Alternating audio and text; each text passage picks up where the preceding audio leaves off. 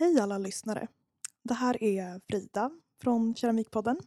Innan vi släpper fram dagens gäst så tänkte jag bara passa på att berätta lite om en nyhet. Det är nämligen så att Keramikpodden har skaffat Patreon. Alltså en tjänst där eh, ni som lyssnare frivilligt kan stötta podden ekonomiskt.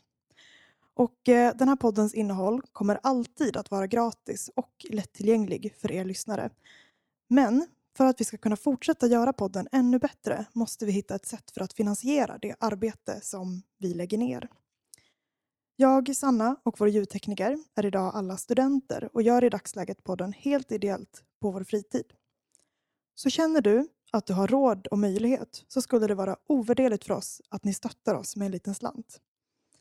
Det finns olika nivåer att välja och väljer ni den lägsta nivån för att stötta podden så skänker ni cirka 18 kronor i månaden.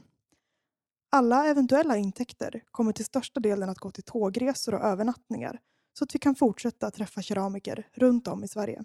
Och om vi skulle ta ett uppehåll från poddandet, så som vi gjorde i somras till exempel, så kommer inga pengar att dras under den perioden. Så vill du vara med och göra den här podden ännu bättre så gå in på patreon.com patreon.com keramikpodden eller hitta länken via vår hemsida.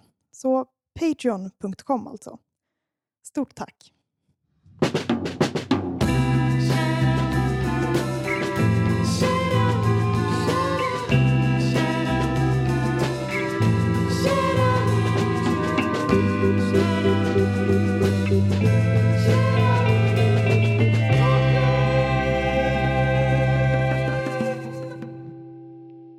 Hej och välkomna till ett nytt avsnitt av eh, Keramikpodden. Som vanligt så hör ni mig, Frida Karlsson. Och eh, mig, Sanna Alvtegen. Och nu sitter vi hemma hos eh, Frida faktiskt, Mm. i Göteborg. Tillsammans med Malvina Kleparska. Hej hej. Hej, välkommen hit. Tack. Vad kul att vi fick träffa dig. Mm, jätteroligt. Ja. För den som inte känner till dig sedan innan, vem, vem är du? Hur skulle du beskriva dig? Eh, jag är eh, en keramiker som eh, bor och jobbar här i, Göteborg. Och eh, jobbar i någon slags gränsland mellan funktion och skulptur, skulle jag säga. Och- Och den som inte har sett vad, vad för typ av keramik du gör, går det att, att liksom beskriva lite hur, hur du jobbar i Mm. keramik? Eh, ja, man kan säga först och främst att jag eh, ha- hade tänkt att jag bara skulle ägna mig med, eh, åt skulpterande. Mm. Ehm, men för att kunna liksom leva på det lite så var jag tvungen att bända lite på reglerna, och, eller på mina regler och eh, göra lite funktionsobjekt också. För att Mm. jag tänker att det eh, är lättare att se användning då av, av föremålen och kunna tänka sig köpa dem. Eh, så, och då tänkte jag så här, men då vill jag liksom ägna mig mer åt ja, men funktion i typ vaser och ljusstakar framför allt. Mm. Så jag har hållit mig ifrån liksom så här servis och koppar och sånt där. Det gör jag lite också nu. Men det är väl framför allt fokus på vaser och ljusstakar. Mm. För jag tänker att det, det kan man ha en, liksom en lite större skulptural pjäs som ändå har en funktion. Liksom. Mm. Och så tycker jag att det är roligt att utforska liksom, hålrummet. Så Mm. jag jobbar mycket med att eh, ringla och bygga saker för hand. Och eh, gärna ha någon slags hålighet Mm. i formen. Och vi, innan vi gick hit hem till dig Frida så träffade ju vi dig på sockerbruket Mm. där du har din ateljé. Kan inte du, mm, vi har fotat lite grann så vi ska lägga ut på vår Instagram men för lyssnarna kan inte du berätta vad är sockerbruket och hur, hur ser det ut där? Mm. Eh, ja, det är ju som det låter en gammal sockerfabrik då för, som fanns för länge sedan. Och eh, sedan har det eh, gjorts om lite då till en massa ateljéer och lite lagerlokaler och företag som sitter och jobbar och fotografer. Så det är väldigt liksom, blandad verksamhet. Det är en väldigt stor byggnad. Det har funnits ganska mycket svartklubbar där också. eh, och kanske finns fortfarande, jag vet inte riktigt. Och sen så är det liksom olika lokaler. Eh, och jag har turen att dela den med, eh, jag tror vi är elva nu, så tio andra konstnärer. Mm. det är en stor lokal eh, med högt i tak med alla dess ords, eh, vad säger man, mening. Mm. Så att vi är, eh, jag tror åtta eller nio keramiker nu och sen en textilkonstnär och bildkonstnär och en eh, illustratör men också en person som jobbar med, med olika sorters konstuttryck. Och hur länge är det som du har varit eh, där, hållit till på sockerbruket? Mm. Eh, jag fick faktiskt en plats i en lokal i andra hand precis i porten bredvid till att börja med. Mm. Så den hyrde jag en, en period precis efter jag gick ut uh, högskolan då, 2016. Ehm, men sen så blev det en plats ledig i den här fina stora lokalen som jag sitter i nu som jag fick chansen att hyra. Då. Så jag har suttit där sedan eh, jag tror 2017. Ja, det var verkligen sånt eh, fantastiskt ljus där inne när det var så högt i tak. Ja. Och en så gammal lokal. Jag vet att jag sa det när vi var där att de har sagt till oss att ni kommer aldrig ha det så bra som när man har- är på folkhögskola och liksom har tillgång till ett stort klassyrrum och ugnsrum. Och, men det har ni ju verkligen där. Mm. Ja, men det är så fint att vi kan eh, dela. Eh, för det är också så här, eh, ett ganska ensamt yrke. Man sitter i sitt hörn och pillar och skapar och liksom är ganska inne i, i sig själv. Så det är fint att ha kollegor runt omkring och liksom kunna äta lunch och dricka kaffe tillsammans och diskutera idéer och olika saker som händer. Eh, men också eh, ja, men få lite tips och, och dra ett lass tillsammans då, så att vi kan dela på olika kostnader och uppgifter som, som också finns då i en sån stor delad verkstad. Liksom. Ja, det var, jag tyckte det var en så bra balans för ni hade ju era egna liksom, små skrymslen med väggar däremellan så att man var ju inte helt synlig men att det ändå det var ändå ett så pass luftigt och stort rum och jag tänker vänder man sig om så kanske man ser en kollega där. Att det, det, känd, det kändes ändå som en gemenskap, Mm. Där. Ja, men verkligen. ett gemensamt Men- utrymme. Men också liksom att man har Mm. en egen yta som man kan Mm. stänga in sig på om man behöver det. Liksom. Mm. Mm. Mm. Men eh, om vi går tillbaka lite, hur har din eh, keramikresa sett ut? Hur, hur började det för dig? Mm. Ja, jag tänker att jag har liksom min mamma att tacka eh, för det. Eh, kanske först och främst för att jag fick gå i Waldorfskola. Mm. Och då är det mycket liksom handarbete och man jobbar mycket med för hand och bygger liksom från början, från grunden. Man gör sina egna stickor innan man börjar sticka och, och så vidare. Så att det är mycket liksom konstnärligt, kreativt och handarbete. Liksom. Så att, och det låg mig väldigt, eller det passade väldigt bra för mig. Mm. Så jag har liksom alltid hållit på och ritat mycket och liksom hållit på med kre- kreativa saker. Och det här var i Stockholm då, för du kommer Ja, från Stockholm? Precis, så jag gick på Martinskolan i Stockholm. Mm. Ehm, och ehm, hade Waldorfskolan där. Och det var mycket också så att vara ute i naturen och så, här, så att man fick vara barn länge. Mm. Vilket var ganska härligt. Och sen så har ju jag fått testa en massa olika grejer som typ spela fiol och piano och dansat och ja, sånt där som föräldrar ibland skriver upp en på. Eh, Men det har liksom sakta trillat bort. Liksom. Och en av de här sakerna var ju då en keramikkurs som jag fick börja på när jag var nio. Som min mamma skrev upp mig på. Och det, och det var ju, jag tror det var dels liksom vuxenhögskolan, vux, vuxenskolan heter det, studiecirkel. Och sen var det ABF också. Och det har liksom hängt kvar då genom alla åren. Eh, genom liksom när jag var tonåring och gick på gymnasiet och allting så har det liksom funnits där. Det var en gång i veckan. Eh, lite märkligt. Jag kommer ihåg att eh, de här tanterna som jag gick i när jag gick på gymnasiet så eh, skrattade de alltid åt mig för jag hade klackskor på mig på onsdagarna när jag gick dit. För sen skulle jag ut och festa direkt efter. eh, ja, men det, liksom, det var viktigt och jag gick liksom dit en gång i veckan. Och, så. Ja. Mm, och sen så um, när jag var 2021 tror jag så tänkte jag vad fasen kanske ska göra något av det här. Och då sökte jag in till Eh, Nyckelviksskolan i Stockholm på Lidingö. Sedan hade jag ett ganska stort behov av att ta mig från Stockholm. Sökte lite olika andra folkhögskolor och sen eh, åkte jag runt i dem och valde Leksands folkhögskola som jag har förstått att ni har gått på också. För att det eh, var en så himla härlig stämning i den lokalen. Och eh, Mats som var lärare då verkade helt fantastisk också när jag var där. Och det fanns hundar i ateljén och det var också fint. och så var det nära till matbutiken. Det var också en stor fördel. Um, mm. Och sen har jag gått på HDK i tre år. Kandidatexamen. Mm. Och däremellan visst, har du också läst i Wales? Mm. Mm.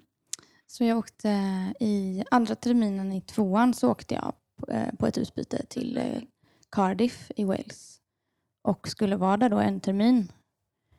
Eh, Andra terminen i tvåan i Leksand? eh, nej, andra terminen. Jag gick på ett år i Leksand. Ah. Eh, Så Ah, andra okej. terminen i tvåan eh, i, på HDK. På HDK? Mm. Så då gjorde jag ett utbyte där. Och eh, det tar ju liksom ett tid att landa på en plats. Mm. Och det var också så att jag valde att åka dit för jag sökte Oslo och sökte lite olika. Men jag kände att jag också behövde ta tag i min engelska typ. Att jag hade lite spärrar där så att jag behövde liksom komma någonstans där jag kunde liksom verkligen öva och prata. Eh, Så då valde jag Wales. Och, ehm, men det tar ju ett tag att liksom landa någonstans och känna efter vad, vad det är för ställe. Och, så där. Eh, och så träffade jag min eh, nuvarande pojkvän där också. så jag valde att åka tillbaka en termin till. Så det slutade med att jag var halva tvåan, halva trean där. Det var toppen. Och vad var det för, för skola? Vad heter den? Den heter Cardiff School of Art and Design, tror jag. Ja. Ehm, och då har de liksom en keramikavdelning där också. Ehm, och det var ju lite annat slags tänk där. Ja, jag tänkte fråga det, liksom, skiljer det sig från hur du upplevde att det var på HDK? Mm. ehm, men framförallt den största skillnaden är ju att de har betyg där. Det har ju inte vi här. Eh, här är det ju eh, liksom eh, alltså godkänt eller icke godkänt. Då. Eh, så det var väl den största skillnaden. Eh, att, och, det, och det skapar ju liksom eh, ett, ett eget ansvar eh, mer här. Att man kommer hit och gör för att man vill göra. För att man vill vara där och jobba. Liksom. Och inte bara för att få poäng eller betyg. Eh, så att man gör det för sin skull istället för att göra det för en lärare. Tänker jag. Eh, och det jag nämnde tidigare också för er att folk är väldigt unga som pluggar där. Eh, så att det är lite så panikartat när man slutar eh, liksom, den första utbildningen eller hö- eh, gymnasiet typ. Och ehm, ja, de tar liksom inte så här några år av jobb eller åker och reser och hittar sig själva så ofta. Utan de går direkt på högskolan när de är 18-19. Eh, och eh, festar bort mycket av den tiden, många av dem. Så det var väldigt tomt eh, i lokalerna och eh, inte så mycket så här arbetsro och kreativitet. Så, att man hade inte så mycket folk runt omkring. Så det var lite annorlunda också. Mm. Mm. förstått det att det ses som inte så, att det ser ganska dåligt ut på CV i många länder. Att det här med att ha tagit ett gap year och att det Mm. blir lite den Men det är liksom stressen annorlunda. att man inte, ja. Mm. Man måste hitta något. Sen så tar de ju bara någonting och det låter väl slappt att gå keramik. Så klart man väljer det. Ja. Nu, nu generaliserar jag lite, det är verkligen inte så för, för alla. Men det, det var lite den känslan. Mm. Eh, och sen, men det som jag tyckte var väldigt bra där var att eh, eh, man hade väldigt mycket liksom, personliga genomgångar med flera olika lärare. Också så eh, personer som är keramiker själva. Claire Canin, om ni känner till henne. Hon gör jättefina skulpturer av eh, personer mest. Med jättefina så här, detaljer med händer och så här. Ehm, så för att nämna en av dem. Eh, men det var toppen att ha liksom, personlig vägledning och handledning. Och mycket så här, att de fångar upp en var man är och sen tipsar jättemycket om att så här, men kolla upp det här, kolla upp den här konstnären, det här är något för dig. Liksom, att man verkligen fick um, gröta ner sig lite och um, ja, få personlig genomgång. Liksom.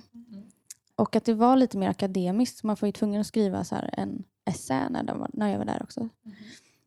Och först var jag lite sur på det för jag bara, men jag är ju bara här en termin så jag kommer ändå inte så här, lämna in den här dissertation typ. Men de bara, du måste skriva en proposal. Och jag bara, vad fasiken är det då? Liksom. Eh, men så gjorde jag det och det var ju bra liksom, eh, för att skriva liksom, mer akademiskt och göra en, en akademisk text som jag aldrig har gjort. För det tänket finns inte här. Liksom. Så det var lite mer på liksom en akademisk nivå också. Mm.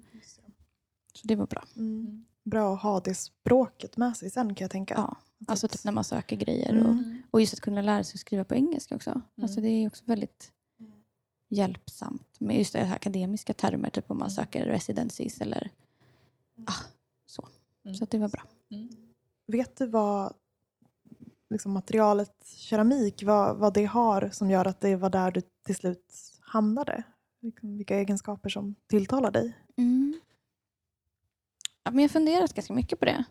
Jag tror att jag liksom tänkte så här, åh jag gillar det här materialet för att och därför vill jag hålla på. Utan det var bara liksom en, en naturlig grej. Just, alltså just att det bara hängde kvar där liksom när jag växte upp. Att jag gick till de här kvällskurserna. Att det, liksom, det var något som hade fångat mig.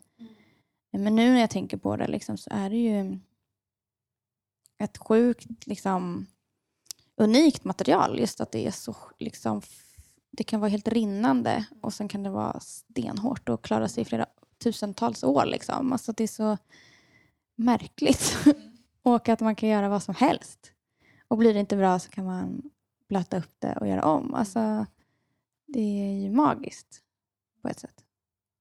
Du var inne på det lite i början här, vad du gör för typ av keramik. Eh, och du har kallat det någon gång functional sculpture. Funktionell skulptur på svenska. eh, kan, kan, du inte, kan du inte prata eller berätta lite hur du tänker om det? För jag tänkte när jag har tittat på din Instagram så har jag Mm. tänkt eh, att du bygger skulpturer. Och sen har jag sett sen att nej, men det, den, de har ofta en funktion. Mm.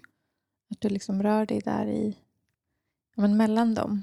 Eh, Mm. Ja, jag, tror att jag började prata här eh, om att, eh, att jag hade liksom någon idé om att jag bara skulle göra skulptur. Typ. Att det var det som, som tilltalade mig. Men det är svårt om man... Eller jag vet inte. Det känns svårt. Och, och, och då liksom tog jag ett val att om jag vill liksom försöka livnära mig på det här så behöver jag liksom... Jag tänkte så här, men till en början i alla fall få in någon funktion i det. För att, just för att det känns lättare att eh, nå ut till folk och att folk eh, liksom finner eh, liksom, att man vill hellre lägga ner pengar på något som man faktiskt kan bruka på ett sätt. Även om det är liksom en pjäs som står på bordet eller på fönsterkarmen. Men så fort du kan stoppa ett ljus i det, då känns det värt liksom, på ett sätt. Än att det bara är en, en stor grej som står liksom, på något sätt. Och det är kul också. Det är roligt att tänka skulpturalt eh, funktion i samma. Att försöka liksom kombinera det. Och sen så funktionen har ju också en, ett annat, en annan dimension också. Att man måste tänka att det faktiskt ska funka. Och det är också utmanande. Jag kommer ihåg att jag började när jag precis tog, ut, eller tog examen. Gick ut i högskolan så um, gjorde jag ljusstakar på två ben. Och så kommer jag ihåg att min kollega i verkstaden, eh, Johan Svanbom, påpekade att uh, du måste verkligen se till att de står. För de var lite så här, "Oop", och liksom lite runda runt fötterna så liksom. Eh, så det var så här, "Ah, just det, fasen, det här ska ha, liksom, ha ett ljus. Det måste, man måste liksom tänka eh, just funktion också då. Så det blir liksom en till utmaning där. Um, mm. Jag vet du- inte om det var svar ja. på din fråga. Jo, men och jag tänker också, har, det liksom den här, har funktionen kommit till senare eller vad, har den varit med? Har båda de här varit med eh, sen du började hålla på med lera eller har, har någon av dem, liksom, funktionen eller det skulpturala liksom, blivit mer framträdande senare? Mm. Mm. Alltså jag tänker att det, hela liksom kvällskurs, kvällskursperioden var ju liksom eh, mest bara lek och undersökande. Det fanns ingen tanke bakom. Det var ju bara, här är jag i några timmar och gör. Liksom. Mm. Eh, så där, och då drejade jag ganska mycket. Ehm, eh, ja, så. Eh, utan någon speciell plan heller. Så jag var liksom aldrig så att jag bara, men nu ska jag göra tio koppar eller nu ska jag göra en kanna eller nu ska jag liksom. Utan jag bara, det blir vad det blir liksom. Eh, så jag har aldrig riktigt eh, fastnat för det så. Eh, och då också inte liksom utbild- eller utvecklat eh, en stil i drejande som, som jag gillar. Så jag gillar liksom inte det jag drejar för jag har liksom inte lagt tillräckligt med tid på det. Så jag gör ju inte det längre, men, eh, eller alls. Men jag, jag undervisar ju och då lär jag utredning också förstås. Eh, vad frågade du? ja, vad som kom, eh, vad som kom först. Eh, eh, ja, men jag tror ju att jag hade eh, mest fokus på det skulpturala. Eh, Jag kommer ihåg när jag gick i Leksand så gjorde jag väldigt mycket konstiga djur. Eh, och antingen hittepådjur eller så här, lite mer riktiga djur fast lite muterade. Så de hade två huvuden eller sex ben eller så. så det liksom eh, flippade ut lite grann. Ehm, och sen när jag var i Cardiff då höll jag på lite med det också men då förenklade jag det lite så att det var inte så mycket så här, um, det var lite mer abstrakt. De hade fyra ben fortfarande men så var det mer som en konstig böna typ på fyra ben. så det liksom abstraherades. Och sen tror jag egentligen när jag började liksom... Alltså mitt examensarbete var ju också bara skulptur utan funktion. En slags installation av olika delar som jag gjorde liksom för sig och sen ville le- liksom leka som klossar eller liksom moduler som jag ville sätta ihop i en, en installation sen. Men sen efter då så var det liksom så här, men hur ska jag kunna tjäna pengar på det här liksom, typ ganska snabbt. Eh, och då var jag tvungen att få in funktioner på något sätt. Har det, ja, för du pratar ju lite om det också, att det, att det kan vara lite intressant med de utmaningar som funktionen för med sig. Men annars från början så var det ändå en, en kanske lite ofri, ofrivillig kompromiss som det blev. Mm. jag förstår. Vi har ju sett eh, i Leksand så finns det ju en affisch eh, med ditt namn. Men när du hade ett sånt här, ja, en föreläsning i Jingdeshan när du har varit där. Mm. Och då är det ju en bild på en sån här ja, hund har vi sagt. Mm. Men det är väl lite... djur. Ja, Mm. ja. Jag har för mig att den har händer. Ja, den har, ja, alltså framtassarna i händer. Ja, det är liksom både så här fantasier men också att det är lite Mm. så konstigt. Liksom. Mm. Människoaktigt. vis. Men det är, du gör inte alls några sådana... Var det länge sedan du gjorde något Ja, i den stilen? Ja. jag gjorde en i, i HRK, i Ah, ettan tror jag. mm. Då gjorde jag en, eh, en hund som heter Ann-Sofie. Som eh, är liksom en kropp på fyra ben som står och sen har den ett huvud i varje ände. eh, ja. Men, sen, eh, ja, men sen blev det de här bönorna då i, Lex- eller i Cardiff. Mm. Och sen tror jag inte jag har gjort några djur mer. Men de här eh, mer abstrakta formerna som kommer till dig eller som du gör idag. Går det att säga hur, hur du liksom... Är det mycket bara på känsla eller har du en klar bild av innan vad du ska bygga? Mm. Vet inte riktigt. Mm. Alltså när jag gick ifrån de här mer liksom föreställande grejerna så ville jag ju liksom abstrahera.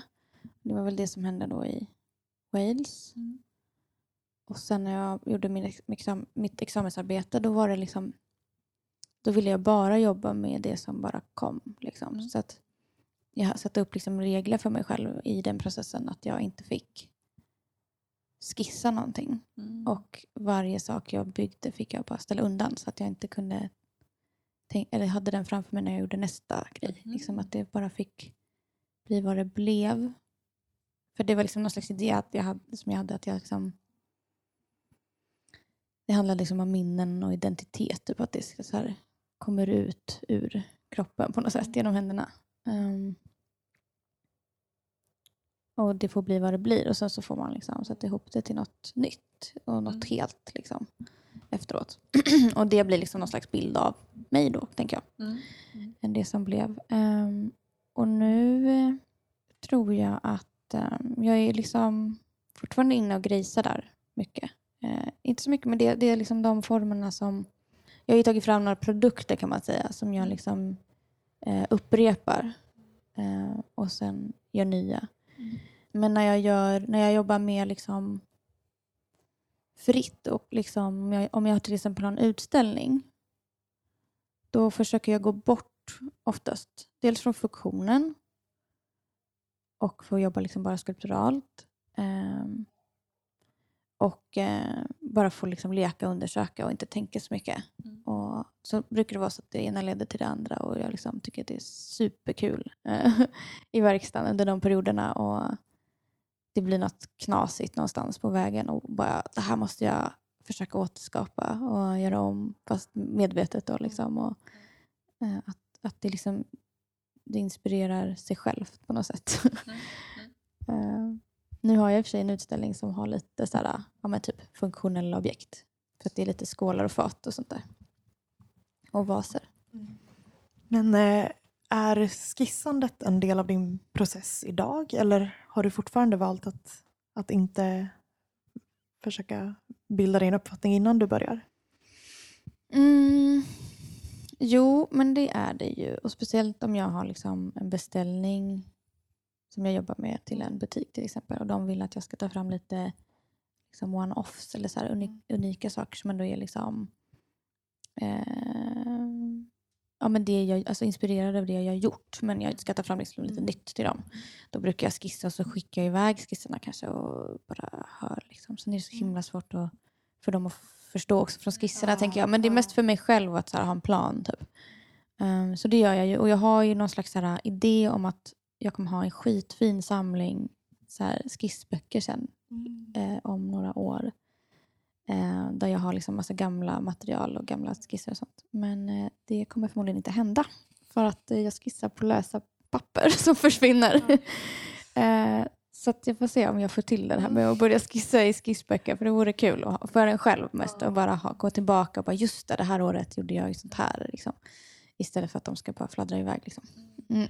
Det känna igen mig. Också, Mm. lösa fläckiga papper Mm. som bara fladdrar omkring. Mm. Ja. Snickers fingrar. Som man Ja, exakt. Kaffefläckar. mm. Men eh, det, det lät som att eh, du... Är det så att du trivs liksom allra, allra bäst när du får jobba skulpturalt utan att tänka funktion? Är det då du liksom går igång? Mm. Ja. Ja, jag tror, men jag tror att alltså, just nu har jag ju valt någon slags mellanläge typ. För jag tänker att ja, men det verkar ändå gå att få in lite cash på det. liksom. Eh, och så tänker jag att det ena utesluter inte det andra. Liksom. Eh, och att det går bra att röra sig mellan, Mm. i det, mellan liksom bara jobba helt förutsättningslöst skulpturalt Mm. Utan att så här, behöva tänka att det här ska sälja. Liksom. För Det är också så här, en press och en, en, en, ett hinder på något sätt också för att man måste klämma in det i en ram. Då, liksom. Och det här med funktionen och sådär. Mm. Och där kan jag bara undersöka och liksom, eh, hitta nya grejer. Och det, liksom, det, det ger ju tillbaka till varandra. Eller liksom, det går ju i varandra. Liksom. Så att de här perioderna jag bara leker och eh, liksom undersöker, det har jag användning av i, i det andra också. Och tvärtom. Alltså så, här, så att det är ganska göttigt att ha båda. Liksom. Eh, ja, det gör det mer intressant och mer liksom, rikt på ett sätt. Jag tänkte lite på just också tekniskt hur du jobbar. Mm. Det är mycket sådär, ja, men spår av, av händer och fingrar och sådär. Är, är det mesta liksom ringlat eller tummat det som Mm. det gör? Eller? Mm, precis. Eh, ja, jag gillar det. Jag gillar liksom att det är lite skevt. Mm. Ehm, och så gillar jag att man ser att handen har varit där och byggt. Liksom. Och just att det blir då, även fast det är en upplaga, så att jag har eh, flera utav samma modell som jag gör. Typ om jag säger en, en ljusstake till exempel. Så är de ändå person, alltså varje har ju en egen personlighet. Alla är ju byggda för sig. Det finns inga gjutformer förutom bananen kanske. det är en pressform. Men, eh, men alla de andra formerna är ju liksom byggda från grunden varje, varje för sig. Liksom. Även fast de liksom är samma modell eller påminner om varandra så är det liksom, man kan säga unika objekt. Då, för att de är liksom, ah, byggda helt. Mm. Liksom. Blir det därför också svårare att skilja sig från dem? Jag tänker att de är som små individer. Eller är det, är det bara gött när en säljs? Eller är det vissa som ändå är jobbigare att, att Mm. skiljas från? Ja, alltså jag tror att de här liksom som, eh, som jag gör upplagor av har ju Mm. blivit liksom en slags produkt. Så då, även fast det är liksom mina händer som har varit där och gjort och byggt eh, så är det på något sätt lättare att eh, se det som en produkt som ska bort eller som ska säljas. Liksom. Eh, så det har jag liksom försonats mig med på något sätt. Eh, men sen finns det ju liksom eh, grejer som jag kanske just gör för något speciellt som är, får en annan slags betydelse. Jag kommer ihåg att jag gjorde en, en jättestor vas till en utställning i Paris som var skitjobbig att göra. För jag jobbade en jättejobbig lera. Så att det var så här, det var också så här motigt att, att göra den här jättestora grejen. Liksom. Och så till slut så fick jag ihop den och sen så blev den ganska tjockt glaserad för den var så otymplig och jag vägrade att sprutglasera den av någon anledning. Eh, så att allting var liksom lite jobbigt, så var det jobbigt att skicka och så få tillbaka. Alltså allting var lite liksom mäckigt med den här jäkla stora vasen som vägde typ 11 kilo eller någonting. um, men den har ju verkligen blivit så speciell för mig. Och nu har den sålt alltså för några år sedan. Och eh, den saknar jag jättemycket. Så den fick ju verkligen så här, just för att det var typ någon slags kamp som vi höll på med. så har den verkligen blivit liksom, ja, men fått en helt annan betydelse. Mm, så den är liksom en liten bebis som, sak, som jag saknar. mm. Jag kan relatera Mm. till åbäken. Men Ja, konstigt. Ibland går det så himla Hardskälla. friktionsfritt så att Mm. man liksom inte behöver känna så mycket. Så Ja, den bara iväg. åker iväg liksom, Ja. på en rutschkana. Ja. Eh, Men jag upplever att du, du jobbar ganska mycket också med mönster och färg. Mm. I alla fall nu senast va?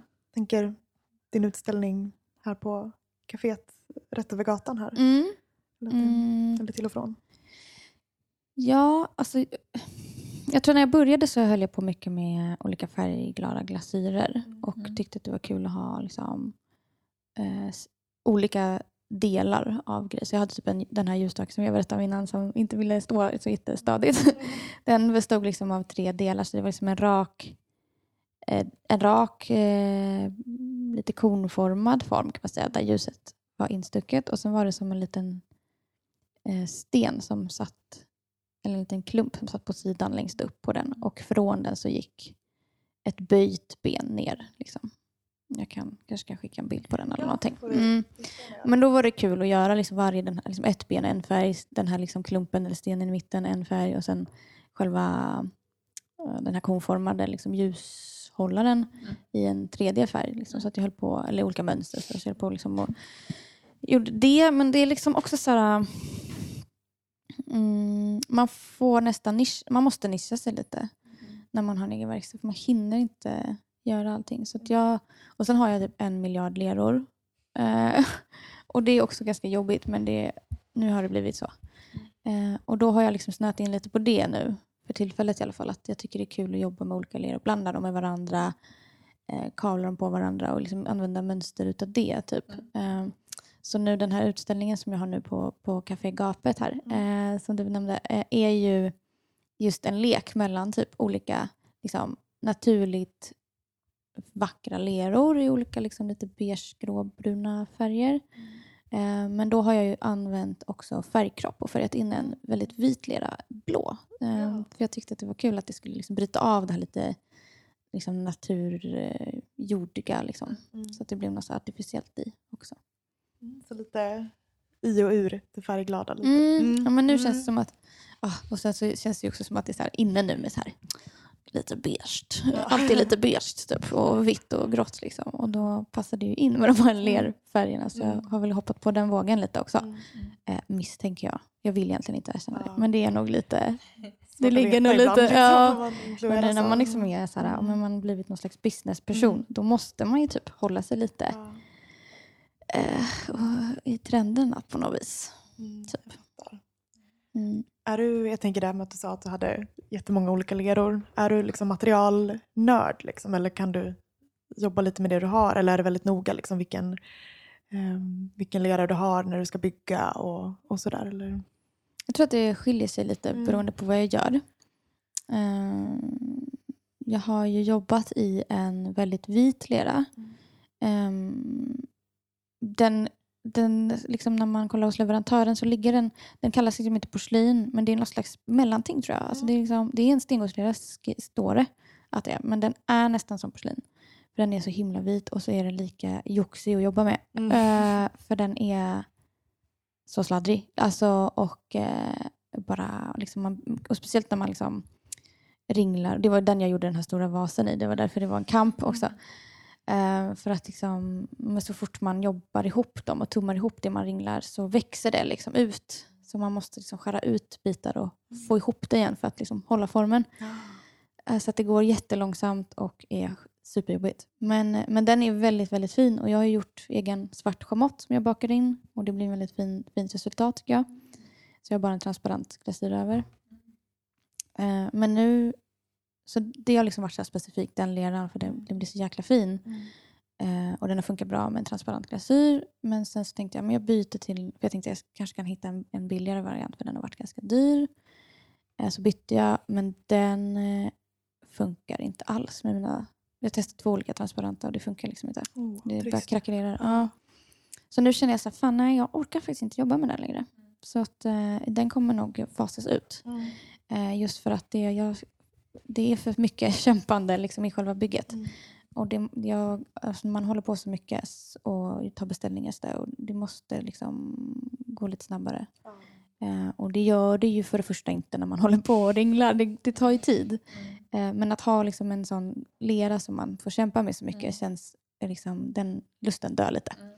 Så nu har jag valt bort den. Så jag är väl specifik med att det ska vara nice att jobba i också. Men sen tycker jag att det är lite så här. Det, alla leror är ganska goda liksom. Annars. Mm. Mm. På sitt sätt. Mm. Ja. Nej, Du nämnde det att du hade blandat i svart schamott och förmodar att det blir lite prickigt så. Mm. Ja. För visst har du också en del eh, eh, former som du har gjort mönster på? Mm. Jag har ju en eh, svart ljusstake, en båge. Ja, ehm, som jag har gjort porslinsprickar på. ja, då är det med porslinsarmbåg. Pre- Mm. Precis, så Mm. det är bara Just vatten och porslins och måla på. Mm. Eh, när vi satt och, och researchade lite här Mm. eh, så var vi också inne på din eh, hemsida och kollade runt. Mm. Eh, som ju är jättefin och vi Mm. var också väldigt liksom, inspirerade av din webbshop. Och, ja, har du liksom, är det någonting som du har jobbat upp själv, den liksom, webbshoppen eller har du, hur har du tänkt där? Är det något du har lagt mycket tid på eller har du valt att ta hjälp utifrån? Eller? Mm. Ja, alltså det är så roligt. Äh, ni frågade också i början, så här, vem är du? För, för berätta. Och jag bara, jag är keramiker. Och, så bara, och sen är jag PR-ansvarig, ekonomiansvarig och sen är jag så här, allt. Alltså Man man, har så sjukt många roller. Ja. Jag är fotograf, jag är ansvarig för min webbshop och min webbsida. Alltså det, man axar så många roller. Ah, så att liksom, eh, det är ju ganska mäckigt. Det är mycket. Så att jag, jag gör allting själv. Ja. Eh, Jag fotar allting själv. Eh, Jag har byggt min webbshop själv. Nu finns det ju så himla enkla liksom, plattformar man kan göra det på som har liksom, moduler som man, man väljer en, liksom, en mall och så kan man eh, fixa och dona lite Mm. som man vill inom någon slags ram. Så, ehm, mm. så, Så den har du byggt själv? ja. Har du, har du något tips sådär till, jag tänker om det är någon som lyssnar som också är, ja, man kanske är i startgroparna Mm. för, att, för att komma igång med liksom, onlineförsäljning. Mm. Eh, sådär. Att det kan vara en liten, en liten ribba. Liksom, mellan Ja, men det är det ju. Eh, alltså det beror ju helt på vart i liksom processen man är och lite vad man har för budget. För att det finns ju olika slags liksom, möjligheter där. Eh, det har ju funnits olika plattformar som har lagt ner nu vet jag som har haft liksom något slags Eh, den funkade lite så här att man, man, man betalade lite på varje sälj så de tog en viss procent. Mm. Det låter väl ganska smart om man inte har så mycket försäljning till början. Eh, vet inte om det finns någon sån nu. Ehm, eh, men det fin- alltså jag tycker att man ska titta runt lite Mm. och kolla liksom priset kanske till att börja med och styras av det. Ehm, det finns ju, typ, jag tror att det heter Etsy som är, Mm. den tror jag är lite billigare kanske. Där kanske man inte kan styra upp jättemycket så här, egen design. Men, eh, men det är en ganska bra början kan jag tänka Precis. mig. När man liksom inte... Mm. Det är väl en sån samlingssida. Liksom. Ja, mm. precis. För Så många. Mm. Så det är mer, det är typ man kan tänka sig som ett liksom Instagram, typ, fast Mm. en shop istället. På nätet. Då. Ehm, ehm, men sen, ja precis, när man får igång sin försäljning och börjar dra in lite pengar så kan man ju titta runt och då. För jag tänkte att det är smart att ha en webbsida och sen i den ha en webbshop också. Mm. Och då, jag använder Squarespace. Mm. Nu får ni lite promota där. Men det tycker jag tar funkar bra. sponsorer. Ja, exakt. Eh, Men det tycker jag funkar bra. Mm. Och hur gör du? För det är lite klurigt när man ska skicka keramik. Har du, har du liksom en, en fraktkostnad som alltid tillkommer? Eller hur, hur gör du där? Mm. Det där är lite klurigt också. Och det tror jag också varje sån eh, liksom, plattform har sin, sitt sätt. Eh, på Squarespace kan man inom Sverige välja, eh, man, man liksom väljer, man, på varje vara som jag har i butiken har jag satt en vikt. Så jag har vä- vägt allting och lagt till lite då för att med emballage och sånt. Mm. Och då när man packar saker i sin lilla korg där på nätet när man shoppar, då liksom räknar den ut fraktkostnaden Mm. själv Mm. beroende på vad det är man köper då. Mm. Eh, men, och så tror jag att det funkar inom Europa också. Jag skickar med Postnord. Eh, och sen eh, har jag gjort så att utanför Europa har jag satt liksom ett pris för frakt. För där kan man inte vara så specifik för det är olika till olika länder. Mm. Och då har jag satt ett pris och sen så per varje vara har jag lagt till ett extra pris. Då. Mm. Så att liksom, om de köper fler grejer så blir det lite dyrare förstås. Mm. Eh, för då blir det ju tyngre också. Ja. Mm. Är det ändå lite som går utomlands sådär? Det, det blir ändå lite som, som Mm. skickas. Mm. Men jätteroligt. Det är folk Ja. liksom... Alltså man kan ju se, jag tycker sånt där är roligt. Ja. man kan se liksom statistik på den här äh, sajten. Eh, Mm. så jag ser liksom vilka länder som besöker. Mm. Så det är liksom folk från USA, mycket från Tyskland. Mm. Eh, ja, men så här, så, man fattar liksom inte att man når ut Ja, så långt. Det är jätteroligt. Ja. Och jag tycker också Instagram är så himla bra verktyg. Mm. Att man verkligen... Att det är gratis, det är så sjukt. Ja. Men att man verkligen kan Mm. nå ut så pass mycket. Det är toppen. Tror du att det är liksom via Instagram som du ändå har liksom Mm. Att fått det, mycket nya kontakter? Och, ja. absolut. Alltså, Mm. där skött, jag skötte ju all min försäljning via Instagram förut. Eh, men det blev så rörigt och så mycket. Och ibland skrev folk både på Instagram och skickade mejl. Mm. Och då trodde att det var två beställningar men så var det en. Alltså det blev bara jätterörigt. Ja. Mm. Så då har jag liksom lite så delegerat det ut till min webbshop nu. Mm. Så att nu vill man köpa så finns det där. Eh, så, kan, så, kan jag liksom, så sköter det sig själv på ett annat sätt. Mm. Så går jag in och tittar ordrar och packar bara liksom, istället Mm, för att försöka, behöva skriva Mm. fakturor liksom, Mm. varje gång. Och så, här. Mm. så det är ändå, ja, lite av det jobbet har eh, blivit liksom, lite lättare då. Eh, Du nämnde också att du har återförsäljare, andra återförsäljare. Mm. Eh, hur fungerar det? Eh, men det är lite olika. Ehm, och där är det ju faktiskt också Instagram igen som väldigt ofta har ehm, varit liksom ingången till olika kontakter. Mm. Eh, många gånger, eller jag tror för det mesta har det varit så att folk har hört av sig till mig. Mm. Och det var ju också en period precis efter när, liksom när eh, min webbshop, eller hela liksom, mitt företag drogs igång. Mm. Eh, som jag hamnade i lite det här eh, ni vet, liksom så här, eh, vad heter det, egen företagare träsket. Att Mm. man bara, åh, här kommer det en grej och jag måste hoppa på det och jag måste hoppa på det och sen en utställning här och en grej där och de vill sälja och, de, och jag bara, liksom, det här är sista chansen, jag måste göra allt. Och då var jag liksom lite på kanten till utmattning en period och bara, oh, liksom, nu får jag tänka till lite. Mm. Så då drog jag tillbaka allt, gjorde min webbshop och liksom kunde ta det lugnt lite. Mm. Ehm, och har börjat tacka nej till saker. Och det är också så himla skönt. Mm. Eh, att man inte behöver hoppa på allt. Mm. eh, för att det funkar liksom inte. Mm. Så. Eh, men jag har liksom några som jag samarbetar med som funkar jättebra. Och nu har det varit också några tillfällen där jag har tagit kontakt eh, med andra eh, butiker. Så att, ehm, det kan liksom vara lite mer på mina villkor också. Eller det måste det vara. så ehm, mm, det känns som att jag börjar få hitta liksom någon balans i det. Men om, man vill, eh, om man vill se dina grejer eller kanske till och med köpa något av dig, då är det dels din webbshop Mm. Och nu också om man är i krokarna kring Göteborg och lyssnar i anslutning till att det här sänds så finns det också på Café Gapet här eh, i Majorna. Mm.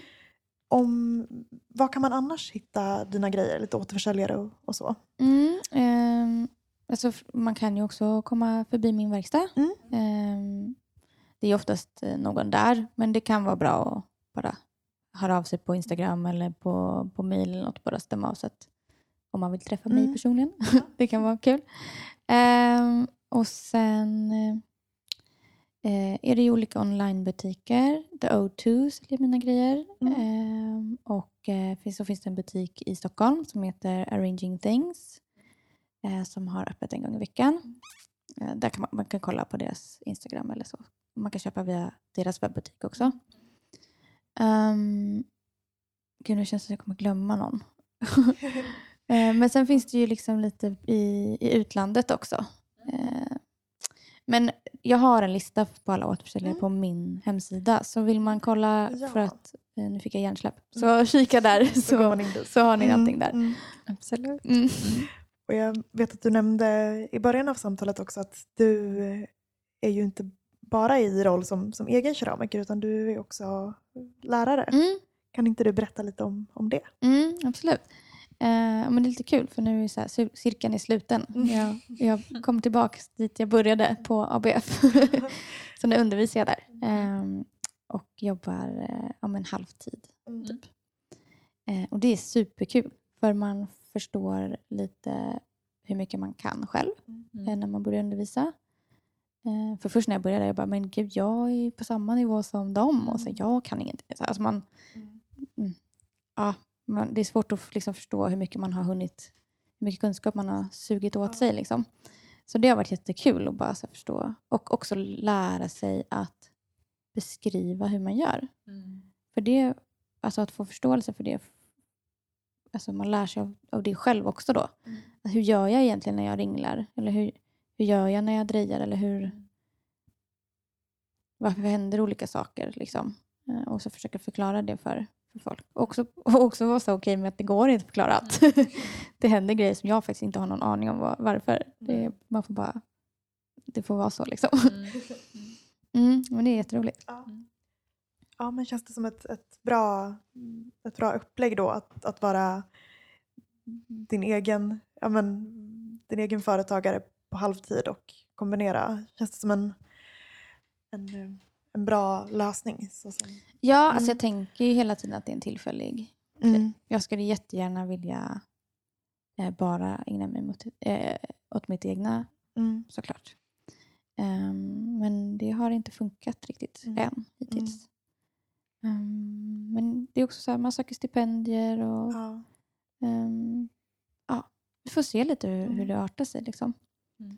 Men ibland tänker jag också så här att när man har ett jobb så tar det ju tid från ens egna och då, då kan man liksom inte testa och kasta sig ut. Mm. Och, Svårt Mm. att se. ja, så att det är liksom, och det är en övervä- liksom, man får väga, Mm. ja, överväga hur man ska Mm. lösa det till slut. Mm. Eh, Men just nu funkar det bra. Och Mm. så här, Mm. Det känns som Mm. att du har ju ändå ett väldigt relevant extrajobb om man Ja. säger så. verkligen. Ibland kanske man kan också tycka att det är skönt att ha ett extra jobb eller vad man ska säga. Extra jobb, men Mm. ett jobb som Ja, helt skiljer sig.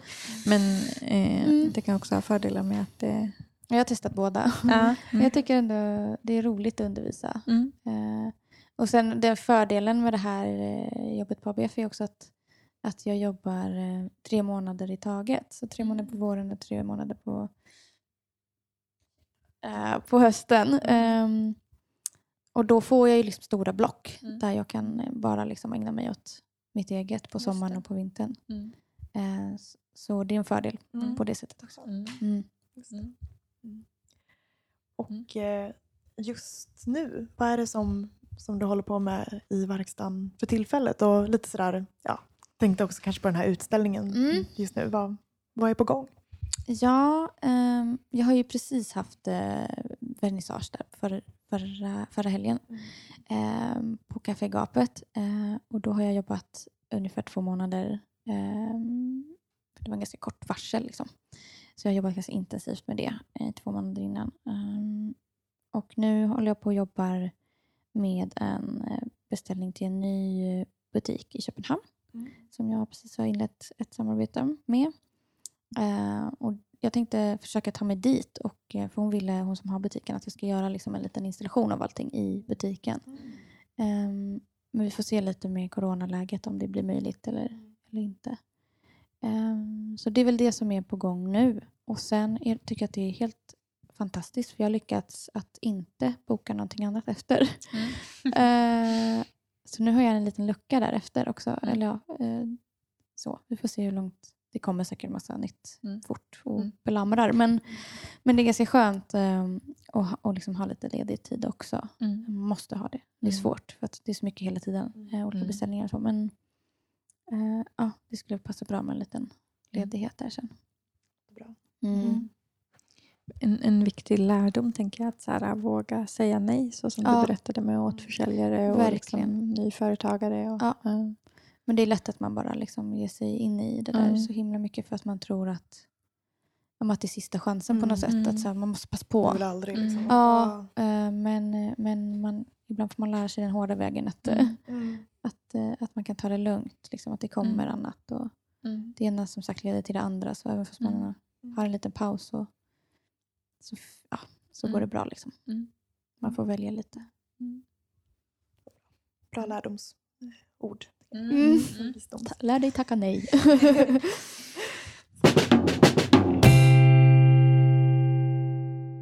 Då går vi vidare med lite korta, snabba frågor. Mm. Finns det något verktyg som du inte kan vara utan? Um, alltså jag har jättemycket verktyg som jag har plockat på mig Mm. under åren. Eh, men jag använder typ en handfull. Eh, um, jag tror taggskenet är ett Mm. av mina favoritverktyg. Om jag måste välja. Ja. Det måste du. Ja. Eh, lyssnar du på något i verkstaden? Mm, Mm. hela tiden. Ja. Ehm, eh, massa poddar framförallt. Ehm, och nu har jag fått så mycket bra tips om, eh, andra, om er podd såklart. Eh, så jag lyssnar på mycket nu och, eh, och andra konstpoddar. Mm. Eh, men jag lyssnar mycket på typ dokumentärer och serier och sånt där också. Mm. Har du något eh, favoritmoment i skapandet med lera? Mm. Alltså jag tror att det ofta är när jag har gjort en skiss på någonting nytt och lite konstigt som jag inte gjort innan. Mm. Och då blir jag så sjukt ivrig på att se det liksom i 3D. Mm. Så själva bygggrejen, det går ganska fort. för att jag är så ivrig på att se det liksom från alla håll och kanter. Mm. Så det är nog det där momentet att så här, få se det färdigt. Sen. Mm. Vad tycker du är minst om att göra? Glasera. Ja. 80 procent ja, av men det är det. verkligen så här standardsvar. Nej men det är ju så himla jobbigt. Alltså, och svårt. Det är jättesvårt. Eh, jag vet att mina elever kämpar jättemycket med det också. Och är jättesura att vissa sitter hårt i, i hinken och tycker att vi ska då stå och röra upp dem. Eh, men det får man göra själv. Men också själva liksom glaserandet. Alltså Mm. att man redan har lagt ner så sjukt mycket tid på en grej och så ska man göra det där sista, sista innan det är typ färdigt efter Mm. bränningen. Och så är det så mycket som Kritiska. ofta går fel. Ja. Man blir liksom stressad. Ja. Har du någon smart lösning eller så på något problem eller något arbetssätt i verkstaden som du vill dela med dig av som du har hittat på eller som du har tagit efter som är Mm. Lifehacks? Mm. Ja, det är nästan så att jag liksom så här, vågar nästan inte säga det. För det känns som att det är fel. Men när jag ringlar så använder jag bara slickers på den första, mellan liksom bottenplattan och den första ringlan. Eh, och sen tycker jag, upplever jag själv att leran är så pass liksom, fuktig oftast i, när man har knådat ihop den eller har, tar direkt ur liksom, paketet. Att, eh, Och om man jobbar mycket med insidan och utsidan och liksom tummar ihop så behöver man inte ha slickers för att det tar så sjukt mycket onödig tid. Eh, och då går det mycket snabbare att bygga. Mm. Men det känns som att det är så här, men det, tänk om det går sönder. Nu har inte något gått sönder men det är lite så här, tänk om. Och då har jag liksom gjort, fuskat lite. typ. Jag brukar också Mm. köra så faktiskt. Ja, men det är Mm. skitbra. Och så behöver man inte göra runda ringlor. Man kan göra dem jättetjocka runda och sen platta ut. Så, så går det snabbare också. Man typ ringlar med remsor istället. Ja. Det är- Bra tips. Mm. Är det något fält inom keramiken som du skulle vilja lära dig mer om? Mm. Alltså det är så himla stort. Det är så himla mycket. Och jag tycker att nästan allt är jätteintressant. Men det är det här med att man liksom har så lite tid. Eh, jag skulle vilja... Alltså det hade varit jätteroligt att kunna ägna mer tid åt just ta fram egna glasyrer och hålla på med det. Just nu har jag liksom valt att lägga tiden på något annat. Mm. Men det är kanske den, den världen som lockar lite också. Blandar du egna nu eller har du, köper du färdiga? Eh, alltså jag gör lite olika saker. alltså dels så blandar jag jättemycket olika leror med varandra och då brukar jag antingen inte glasera alls eller att jag har transparent på bara för att jag vill liksom framhäva lerans egna kvaliteter och färger. Ehm, men sen ja, men då köper jag den transparenta. Just nu gör jag det i alla fall. För den har liksom, när jag gjort tester så funkar det. Liksom. Ehm, men jag hade nog önskat att ha en egen transparent som jag rört till själv. Ehm, men sen har jag mycket så här, ja, men lite gamla glasyrer kvar.